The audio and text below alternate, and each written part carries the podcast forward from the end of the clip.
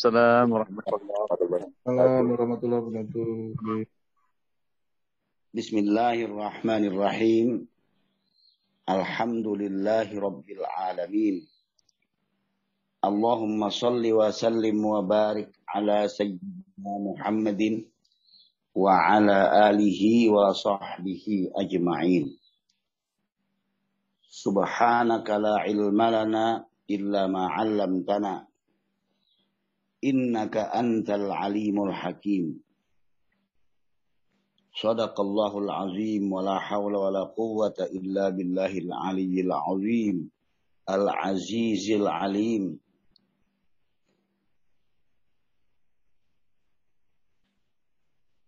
أما بعد قال رحمه الله تعالى عنه ونفعنا به وبعلومه في الدارين آمين. Alhamdulillah segala puji bagi Allah yang telah memberikan kita ke umur yang panjang, kemudian kesehatan lahir dan batin, lalu hidayah iman dan Islam sehingga kita bisa tergabung kembali dalam tolabul ilmi bersama untuk menambah dan memperbaharui keimanan kita kepada Allah Subhanahu wa taala. Sebagai pelaksanaan hadis Rasulullah sallallahu alaihi wasallam yaitu tolabul ilmi faridhatun ala kulli muslimin wa muslimatin. Menuntut ilmu adalah sebuah kewajiban bagi Islam, bagi Muslim laki-laki maupun Muslim perempuan. Dan kasih dari Rasulullah Sallallahu Alaihi Wasallam, man yuridillahu bihi khairan yufaqihu fid din.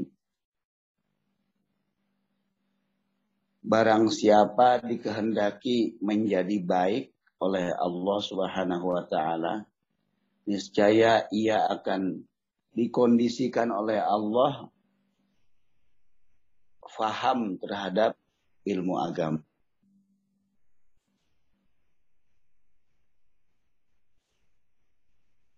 Dengan kata lain, apabila ingin kehidupan itu baik, ya akhirat, maka hendaklah kita menuntut ilmu dalam urusan agama ini sampai faham betul sehingga kita berjalan selalu dalam bimbingan agama dalam kehidupan ini. Itu adalah salah satu syarat hidup selamat sehingga tidak jarang para guru kita menasihati hati. Bahkan untuk keselamatan kita di kubur kelak, salah satu amalannya adalah tolabul ilmi. Ini yang jarang disadari oleh terutama milenial sekarang ini ya. Sehingga mereka tidak itu perhatian terhadap ilmu agama. Bahkan cenderung mereka jauh dari agama. Ya, Na'udzubillah min zalik. Mudah-mudahan barokah kita berkumpul ini itu menjalar kepada anak-anak kita sehingga sejak kecil mereka akan sudah akan sudah melihat betapa orang tuanya setiap subuh di hari-hari tertentu sanggup ya berjaga untuk ilmu dan itu terekam kepada anak-anak kita secara langsung maupun tidak langsung supaya mereka juga akan bisa menapaki jalan kita mudah-mudahan mereka dipelihara oleh Allah Subhanahu wa taala. Kita akan melanjutkan pembicaraan tentang tauhid tentang sifat-sifat Allah yang terkesan mirip sifatnya manusia, tapi sesungguhnya yang dikehendaki adalah tafsir dari sifat tersebut. Harus dijelaskan maksudnya apa. Supaya keimanan kita semakin lengkap pengenalan kita, kepada Allah Subhanahu wa taala semakin jernih. A'udzu. Bismillahirrahmanirrahim. Allah Ta'ala fi kitabihil karim Innal ladzina yubayyi'unaka innama yubayyi'una Allah yadullahi fawqa aydihim faman nakasa fa innama yankusu ala nafsih wa man awfa bima ahada alaihi Allah fasayu'tihi ajran azima sadaqallahul azim.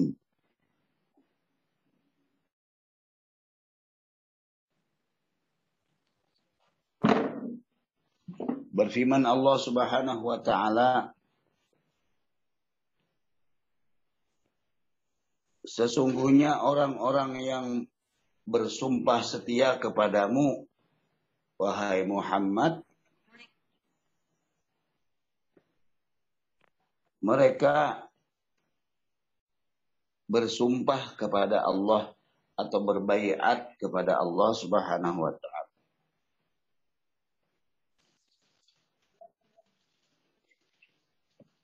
tangan Allah berada di atas tangan-tangan mereka. Barang siapa melanggar sumpahnya, sesungguhnya dia sedang mengkhianati diri sendiri. Dan barang siapa menyempurnakan dengan apa yang telah disumpah setiakan atau diminta perjanjiannya oleh Allah Subhanahu wa taala maka mereka akan diberi oleh Allah upah yang sangat besar atas pemenuhan terhadap janji atau sumpah setia itu.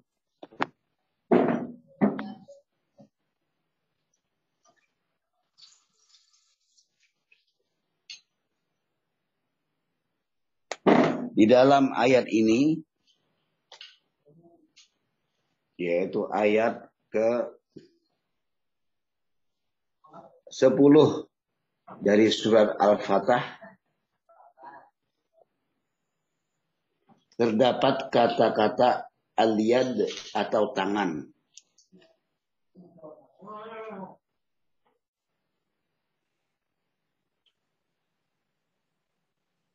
Maka Maksud dari kata tersebut adalah sebagaimana disampaikan oleh ahli tafsir yaitu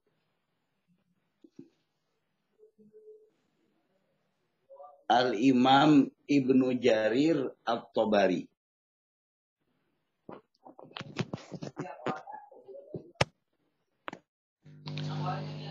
Atau yang di, yang dikenal sebagai Imam At-Tabari.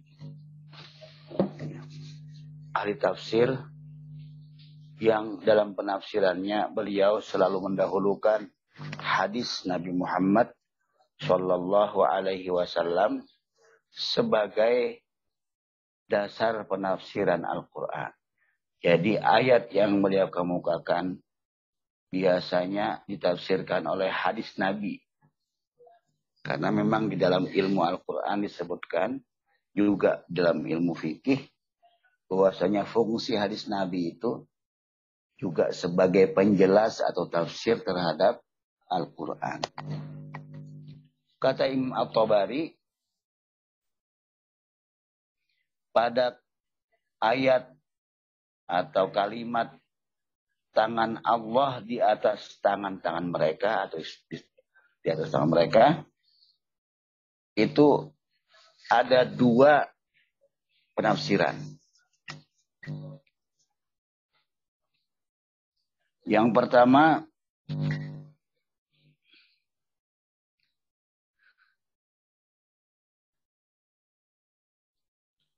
tangan Allah di atas tangan mereka pada saat berbaikat Sebab mereka itu sedang berbaiat kepada Allah dengan membaiat Rasulullah Shallallahu Alaihi Wasallam. Bayat yang dimaksud adalah yaitu peristiwa ketika sekitar tujuh puluhan orang-orang dari Ansor dari Madinah datang ke Mekah untuk melaksanakan haji pada musim haji atau yang dikenal dengan musim saja ya maksudnya adalah musim haji. Tiap tahun orang berkumpul di Makkah dan itu terjadi sejak zaman Nabi Ibrahim alaihissalam. Sebelum datangnya Islam yang dibawa Nabi Muhammad Shallallahu alaihi wasallam. Tapi kemudian haji itu oleh sebagian pelakunya mulai menyimpang. Kita dalam sejarah mengetahui bahwa kaum jahiliyah itu bermacam-macam tingkahnya yang menyesatkan pada saat tawaf di Ka'bah. Di antara mereka ada yang tawaf tidak berpakaian. Sangat menyimpang dari syariat Nabi Ibrahim alaihissalam. Tetapi juga masih ada yang menempuh cara yang benar. Tapi karena Islam belum datang, tentu saja syariat haji itu tidak sempurna. Nah, ini yang pertama dimaksud dengan tangan itu adalah tangan Allah itu berada di atas tangan Nabi. Mereka bersumpah setia atau berbaiat. Pada saat baik. Itu yang dimaksud adalah tangan Allah itu di atas tangan mereka adalah maksudnya diwakili dengan tangannya Nabi itu seakan-akan tangannya Allah. Itu penafsiran yang pertama. Kemudian yang kedua adalah kuwatullah fauqa fauqa quwwatihim fi nusrati Rasulillah sallallahu alaihi wasallam. Makna yang kedua kata Ibnu Jarir, kata-kata tangan Allah di atas tangan mereka itu Maksudnya adalah kekuatan Allah berada di atas kekuatan mereka dalam menolong Rasulullah Shallallahu Alaihi Wasallam.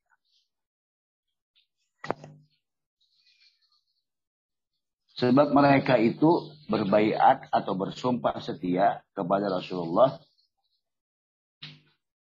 yaitu menyatakan untuk menolong beliau dari gangguan musuh-musuh beliau. Inilah yang disebutkan dalam kitab Jami'ul Bayan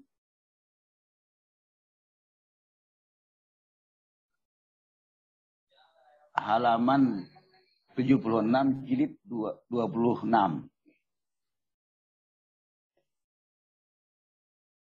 Jadi penafsiran yang kedua adalah itu maksudnya kekuatan Allah.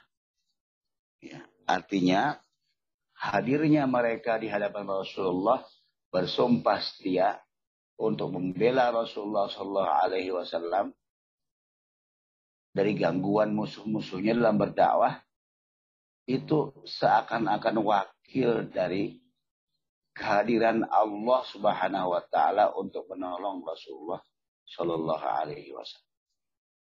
Sehingga indah sekali kata-kata yadullah fauqa aidihim. Nah, itulah yang harus difahami. Sehingga ketika kita memahami sifat-sifat Allah, tidak dalam bayangan sebagai manusia.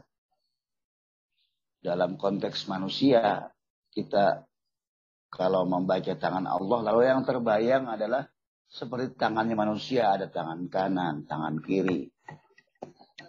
Jadi seakan-akan Allah berjasad atau berjisim.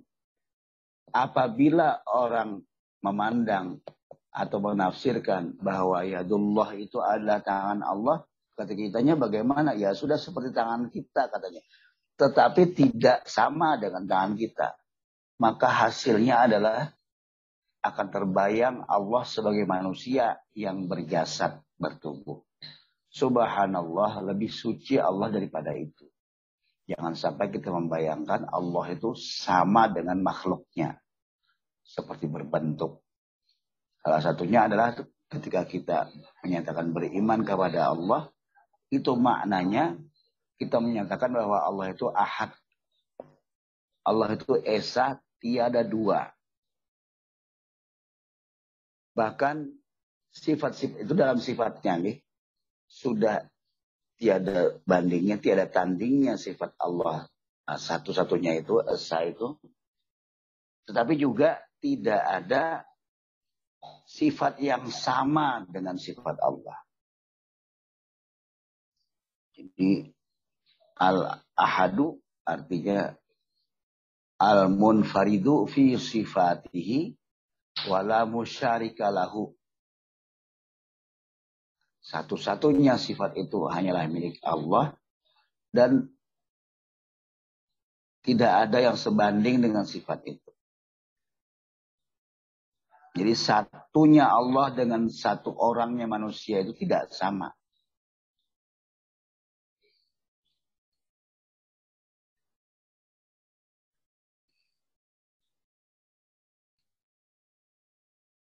Dalam dalam hal sifat. Manusia itu satu juga, tapi tidak sama dengan satunya Allah. Karena banyak manusia yang lain yang juga sedang sendirian dengan satu juga. Saya sedang sendiri, yang satunya sedang sendiri. Tidak sama dengan Allah yang Maha Asaid. Memang pemahaman itu yang dikuatkan. Bahkan dalam tingkatan tauhid yang agak advance itu, terdapat ada gium atau istilah agama. Kalau orang beriman itu tidak tahu maknanya dia beriman, misalnya dia mengatakan, saya beriman kepada Allah, tapi ketika ditanya Allah itu seperti apa, dia tidak bisa menjelaskan. Dia menyerah saja tanpa ilmu. Maka kata para ulama, belum bisa dia disebut beriman kepada Allah dengan sesungguhnya. Karena pengertiannya sangat pendek dengan ilmu yang sangat pendek juga tentang esanya Allah itu seperti apa. Dia harus belajar, harus menuntut ilmu tentang tauhid. Kata para ulama begitu. Maka dengan demikian kata, kata mereka, kalau dia dengan pemahaman hanya seperti itu, sesungguhnya dia belum sempurna. Maka dia bisa dibayangkan seorang sudah sholat puluhan tahun, tapi tidak pernah mengerti tentang keesaan Allah. Itu eh, bahayanya. Dan keimanan seperti itulah yang terus-menerus disempurnakan. Itulah sesungguhnya yang bisa memasukkan kita ke surga. Walaupun amal soleh kita sedikit. Karena keimanan ini yang menjadi syarat kita, syarat masuk surga. Dalam Al-Quran disebutkan sekalipun amalnya banyak, tetapi dia tidak beriman kepada Allah, maka sia-sia amalnya sia-sia. Tidak bisa memasukkan dia kepada surga. Tapi menguntungkan umat Islam misalnya. Misalnya orang yang tidak beriman kepada Allah. Tapi membantu masjid. Maka hukumnya ya sia-sia bagi dia. Bagi masjidnya terbantu untuk membangun. Tapi dia tidak mendapatkan apa-apa di akhir hidupnya. Karena syaratnya adalah keimanan kepada Allah membantu orang lain dengan kecukupan harta, dengan kelebihan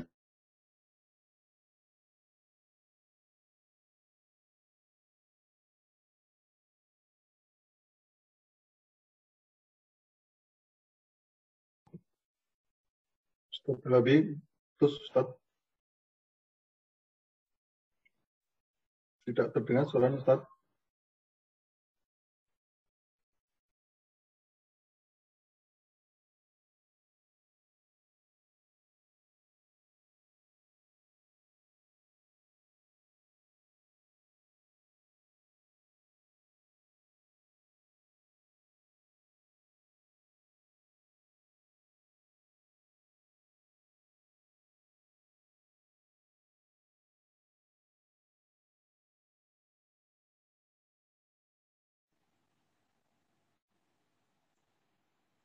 Terputus apa Om Cita? Oh, J nih sinyalnya hilang.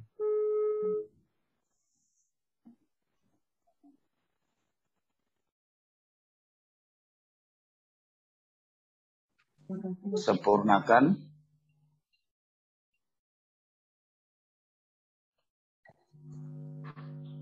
Halo, Bi. Halo, halo. Dia sempat beberapa detik. Oh, ya, ya, baik. Allah Subhanahu wa taala menyatakan dalam Al-Qur'an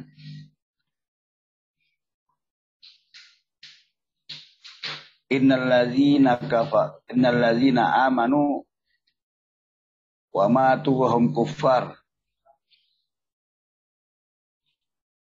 falan yuqbala minhu sesungguhnya orang-orang yang beriman kemudian dia kafir dia mengingkari keimanannya kepada Allah, kalau dia mati dalam keadaan ingkar kepada Allah, dalam keadaan kufar, maka tidak akan diterima dia sekalipun digantinya dengan mengorbankan harta. Waalaikumsalam. Anu, kamu pakai pinky-pinky. Mengorbankan hartanya menebu untuk menebus dirinya agar diakui beriman kepada Allah tapi dia pada saat wafat dalam keadaan tidak beriman sekalipun harta itu kata Allah adalah sepenuh bumi berupa emas tidak akan diterima oleh Allah Subhanahu wa taala. Jadi keimanan kita kepada Allah ini sekalipun ditanding dengan harta berupa emas sepenuh bumi ini beratnya tidak sama. Betapa mahalnya kalimat la ilaha illallah itu ketika di akhirat. Kalau di sini tidak dilatih dengan baik, maka kita akan tidak akan mendapatkan kekayaan yang akan menyelamatkan kita nanti di akhirat. Di situlah kegigihan para ulama melatih santrinya agar melafalkan la ilaha illallah. Kemudian diajarkan ilmu-ilmu makna la ilaha illallah itu kepada santri. Itu merupakan keinginan mereka yang terbesar agar santrinya itu siap hidup di dunia dengan penderitaan sekalipun tetapi saat menghadap Allah Subhanahu wa taala mengarungi kehidupan akhirat, dia dengan nyaman melaluinya. Karena keimanannya sudah menghunjam di dadanya gitu. Dengan melatih kalimat la ilaha illallah itu di antaranya. Maka mari kita latih kepada anak-anak kita agar yakin terhadap Allah sebagai Tuhan mereka. Berbagai hal kita bisa tepuh melalui dia pendidikannya. Karena kekuatan iman ini yang sanggup membuat seseorang bertahan di dunia sekalipun menderita. Karena kehidupan dunia ini kalau dilalui dengan dengan kesabaran itu insya Allah berhasil dilewati. Karena umurnya kita di dunia umur dunia saja dianggap pendek oleh Allah. Apalagi umur kita di dunia. Ini yang 60 tahun misalnya sampai 70 tahun itu rata-rata umur gitu itu kita lalui kalau tidak dengan keimanan maka kita akan terperangkap. Itu dunia hilang, begitu harta dunia hilang, kita akan segera goyah. Di sini pentingnya keimanan. Yang sedang kita kaji bersama ini adalah untuk memupuk kesempurnaan iman kita. Kemudian disebutkan juga dalam ayat lain Ya ayyuhalladzina amanu la tuqaddimu baina yadayillahi wa rasulihi wattaqullah innallaha sami'un alim. Hai orang yang beriman, janganlah kalian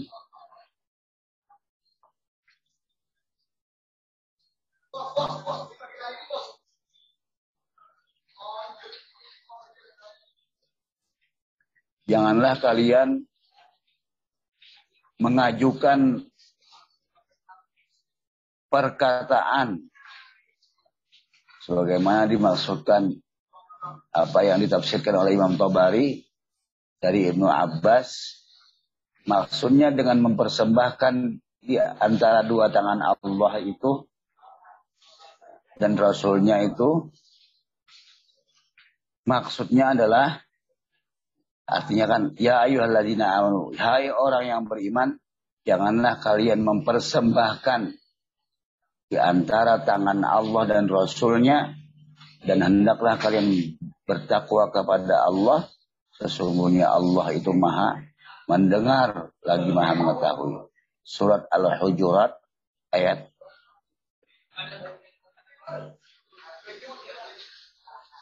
ayat 1 Imam Tobari meriwayatkan dari Ibnu Abbas dari sahabat Nabi ini radhiyallahu anhuma mengenai makna ayat itu atau maksudnya. Maksudnya adalah mereka dilarang untuk berkata-kata di hadapan perkataan Allah, di hadapan firman Allah. Jadi la tuqaddimu baina itu maksudnya adalah jangan berbicara saat orang membaca Al-Qur'an. Ya, mereka dilarang untuk bercakap-cakap, untuk berbincang-bincang di hadapan kalamnya Allah subhanahu wa ta'ala. Jadi kalau dibacakan firman Allah, kita diam. Itu bang yang dimaksudkan.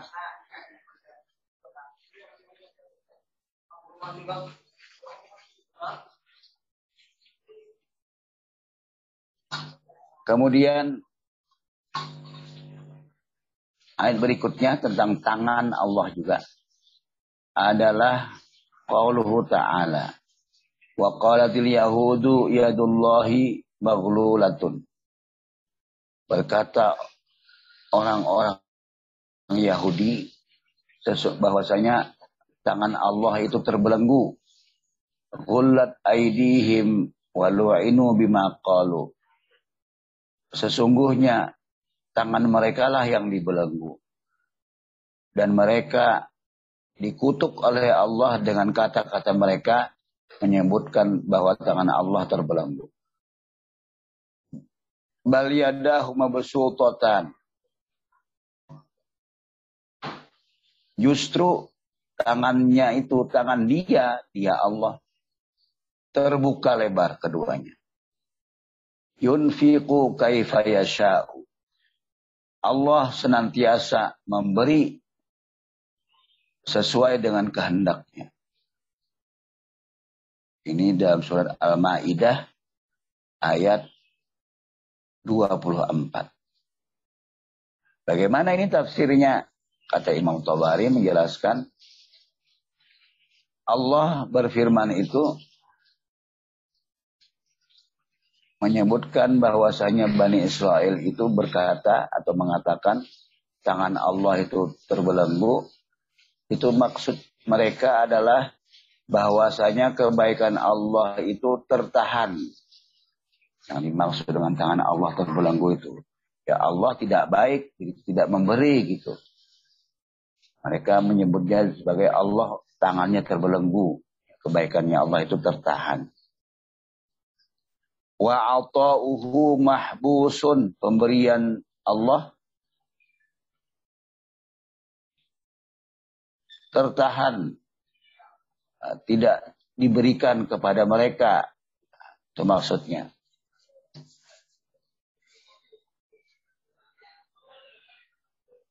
Dan ini pula yang disebutkan dalam Al-Quran pada ayat yang lain. Ketika Allah mendidik Rasulullah Shallallahu Alaihi Wasallam, memberi arahan kepada Rasulullah melalui firman-Nya wala taj'al. Janganlah kau jadikan tanganmu hai Muhammad terbelenggu fi unukika atau ila unukika wala tabsutha kullal basti. Jangan kau jadikan tanganmu itu melingkar di atas lehermu, membelenggu begitu ya. Dan jangan engkau bentangkan tanganmu itu selebar-lebarnya. Itu kan Allah itu tidak perlu di, di apa ditafsirkan tang, memang tangan manusia yaitu tangan Rasulullah. Tapi itu hanya istilah yang dimaknai sebagai janganlah engkau menutup tanganmu mengalungkannya ke leher tidak berbuat apa-apa itu lambang orang yang bakhil ya jangan bakhil begitu tetapi wala tabsuthakulal bas tapi juga jangan boros. Harta itu tidak jangan diserahkan semuanya. Itu maksudnya. Tapi tangan di situ adalah tangan beneran, tangannya Rasulullah yang dipakai. Nah, kata-kata itu mirip dengan kata-kata orang Yahudi yang menyatakan tangan Allah terbelenggu nih. Maksudnya kebaikannya ditahan, tidak diberikan kepada mereka. Ya, mengatakan Allah bakhil gitu ya. Nah, ini yang dimaksud. Agar kita dengan tafsir ini kita mengerti setiap ayat dari Allah Subhanahu wa taala, setiap pesan-pesan dalam ayat Maka yang dimaksud dengan tangan Allah itu dalam ayat ini adalah disebutkan oleh para ahli tafsir sebagai pemberian Allah Karena meminjam istilah manusia ketika dia memberi itu selalu menggunakan tangan. Maka agar dipahami oleh manusia bisa diterima dengan tangan itu. Tapi dalam hal sifat Allah perlu dijelaskan. Berbeda Allah memberi itu dengan manusia memberi. Inilah tujuan Syekh Robi dalam mengupas ayat ini atau mengutarakan ayat ini untuk menggambarkan betapa para sahabat pun mentakwilkan ini, merasa perlu mentakwilkan untuk penyempurnaan keimanan. Jadi masuklah ini dalam disiplin ilmu tauhid. Ilmu tauhid yang harus memang harus pelan-pelan kita memahaminya. Tapi dengan cara ini Syekh Rabi berusaha memudahkan kita untuk sedikit demi sedikit menyelami tauhid. Memang kebetulan saja kemarin Ustadz Ulun beserta kawan-kawan itu kemudian dengan kelonggarannya mereka silaturahim kepada keluarga saya gitu di sana gitu anak-anak yang kebetulan mendapat musibah ini itu pelajaran yang lain dari Allah Subhanahu wa taala untuk menguatkan keimanan juga. Dengan di situ kita bisa menyadari betapa harta dunia yang dicari berpuluh-puluh tahun dengan kehendak Allah Subhanahu wa taala bisa habis dalam beberapa jam saja. Betapa mudahnya Allah mengambil harta dunia ini dengan berbagai cara yang ia kehendaki.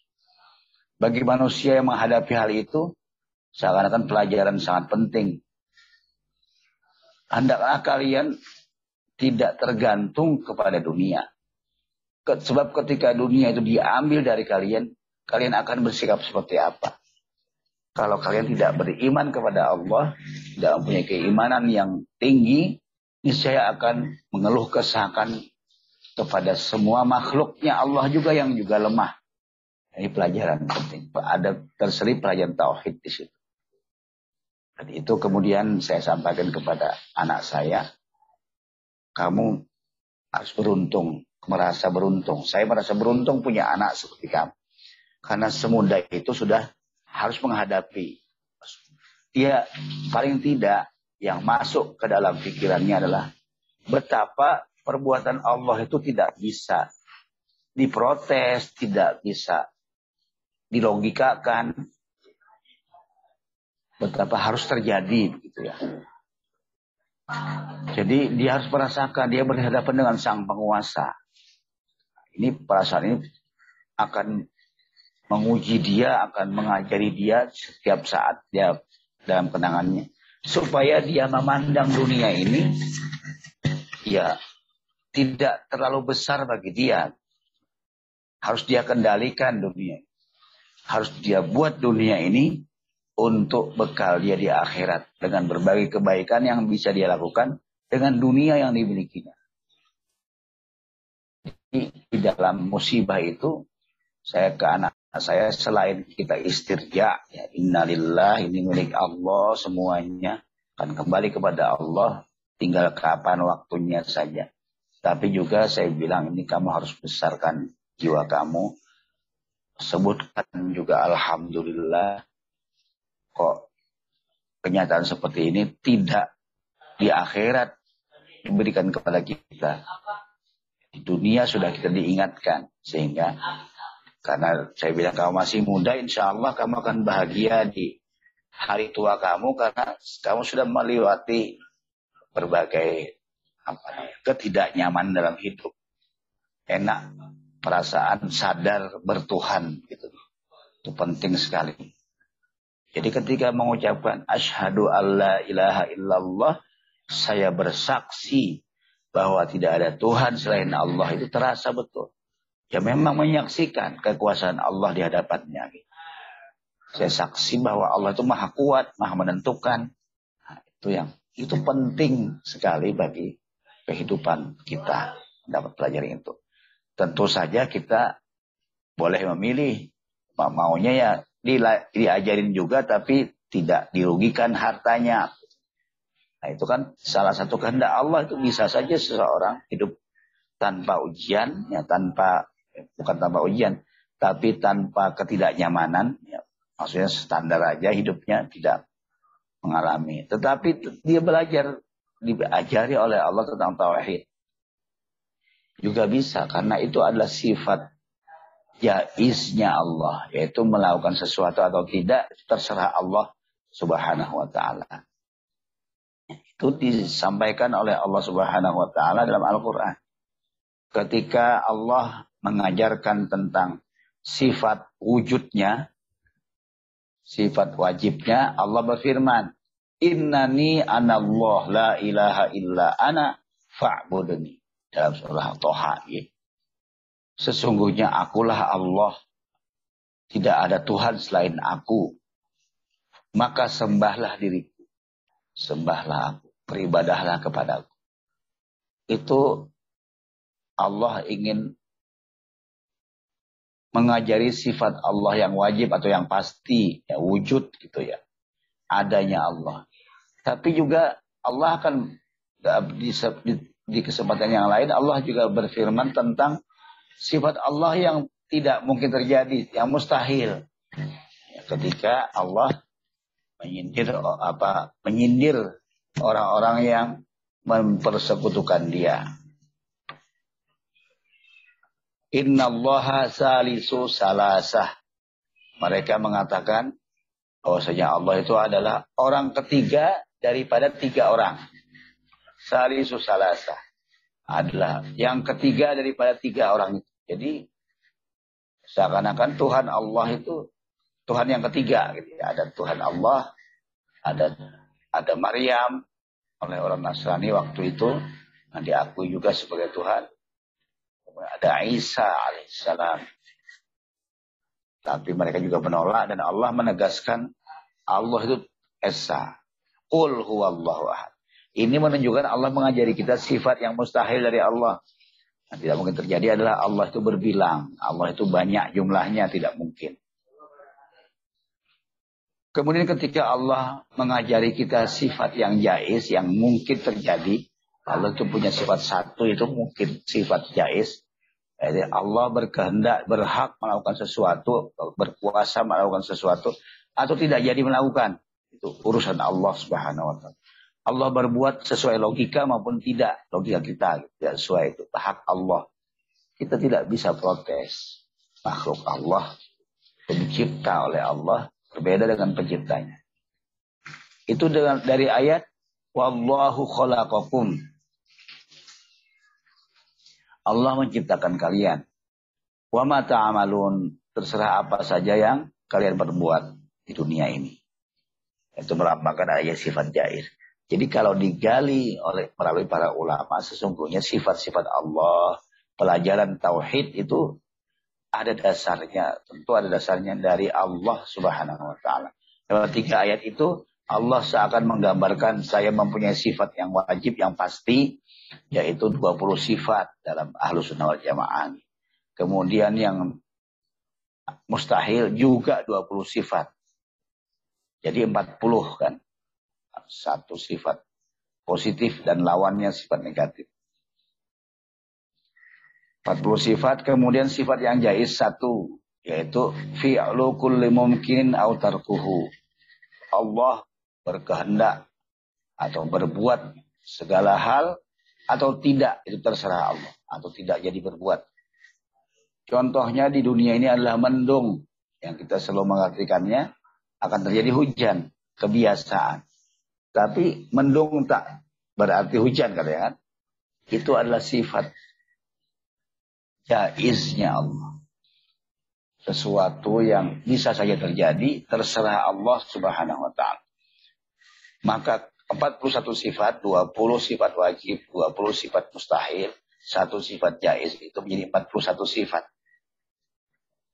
Itu berada di dalam kalimat la ilaha illallah. Kemudian dilengkapi dengan sifat Rasul, sifat para nabi, ada empat, yaitu sidik, amanah, tabligh, fatona, jujur, amanah, menyampaikan, dan cerdas. Itu berlawanan dengan sifat mustahil Rasul, para nabi, yaitu kizib atau kazib, khianat, kemudian kitman, dan baldah atau baladah.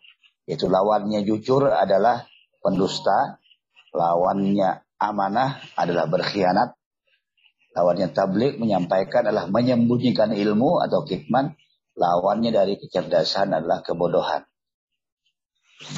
Maka saat empat sifat wajib, empat sifat mustahil, Kemudian satu sifat jaisnya Rasulullah adalah bersifat seperti manusia biasa.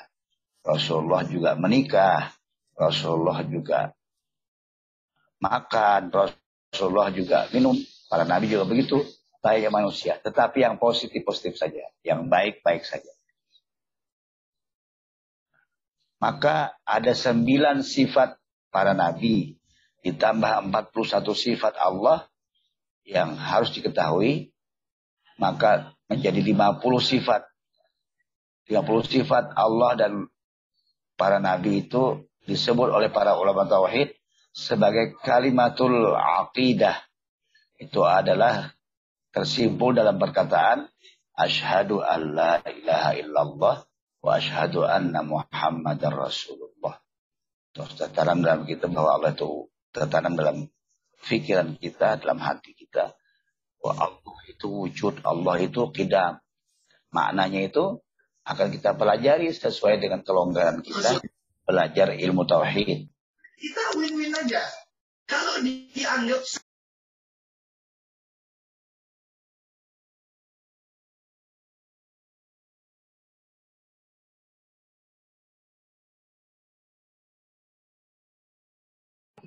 Ustaz ke mute Ustaz.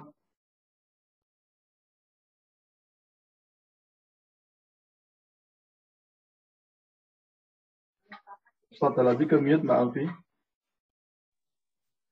Ya. Masih bisa didengar? Nah, Tadi sekarang sudah ber, Oke, Baik. tadi bermute. Baik. Allah Subhanahu wa taala mempunyai sifat 20 sifat wajibnya itu. Ya, kalau yang mengenal sifat Allah, sifat 20-nya Allah itu ya. Kemudian Allah juga punya sifat mustahil, ya. Allah itu ada, mustahil tiada begitu ya. Gampangannya itu. Ajarannya anak-anak waktu di pondok itu, waktu di, ya di TK lah gitu. Itu maka ditambah sifat jaiznya Allah itu menjadi 50 menjadi 41 ditambah kemudian delapan sembilan sifat para nabi yaitu empat sifat wajib. Sidik amanah tabligh fatonah. Yang lawannya adalah kizib khianat kitman baladah. Ya. Allah apa Rasulullah itu kalau para para nabi itu bersifat jujur mustahil berdusta gitu ya. Kemudian bersifat amanah mustahil para rasul itu berkhianat terhadap amanahnya. Mereka juga bersifat tab, apa tabligh menyampaikan risalah, mustahil mereka itu menyembunyikan risalah, kitman. Terakhir mereka bersifat cerdas, fatonah. Mustahil mereka itu orang bodoh. Delapan itu wajib dan mustahilnya itu sifat-sifat Rasul. Ditambah satu sifat yais, sifat yang umum sebagaimana manusia biasa tetapi yang baik-baik saja. Seperti menikah, kemudian makan, minum, layaknya manusia. Sembilan sifat para nabi itu digabung dengan 41 sifat wajib, mustahil, dan jaiznya Allah. Menjadi 50 sifat yang wajib diketahui manusia. Dipelajari manusia untuk keimanan mereka. Oleh para ulama dikenal tersimpul sifat-sifat Nabi dan sifat-sifat Allah itu dalam kalimat La ilaha illallah Muhammad Rasulullah. Itu yang akan dipelajari di pada tauhid yang akan diuti-uti ya itu itu begitu. Nah, memang ada tingkatannya. Nah, kita ini berusaha mendekati itu melalui paparan tentang ayat-ayat yang mengandung penyebutan sifat-sifat Allah itu seperti punya tangan, punya penglihatan. Nah, agar tidak terjadi anggapan kita bahwa Allah itu punya jasad. Dengan tidak menafsirkan apa pun ya tangan Allah tangan saja begitu. Sehingga terbayang bahwa Allah itu seperti manusia. Nah, itulah kemudian yang menyebabkan ada pertanyaan dalam filsafat itu ya.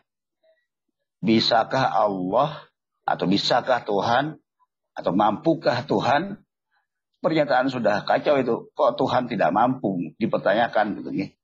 Mampukah Tuhan katanya menciptakan sat, sebuah batu yang sangat besar?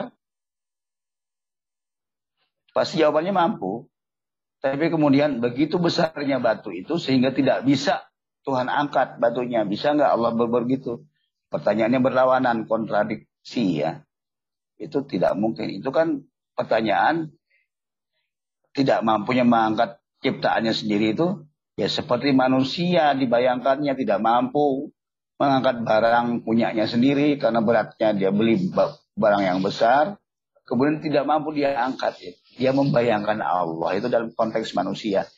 Ini yang dikhawatirkan oleh Syekh Robi dengan adanya ayat-ayat yang samar pengertiannya. Maka perlu dijelaskan.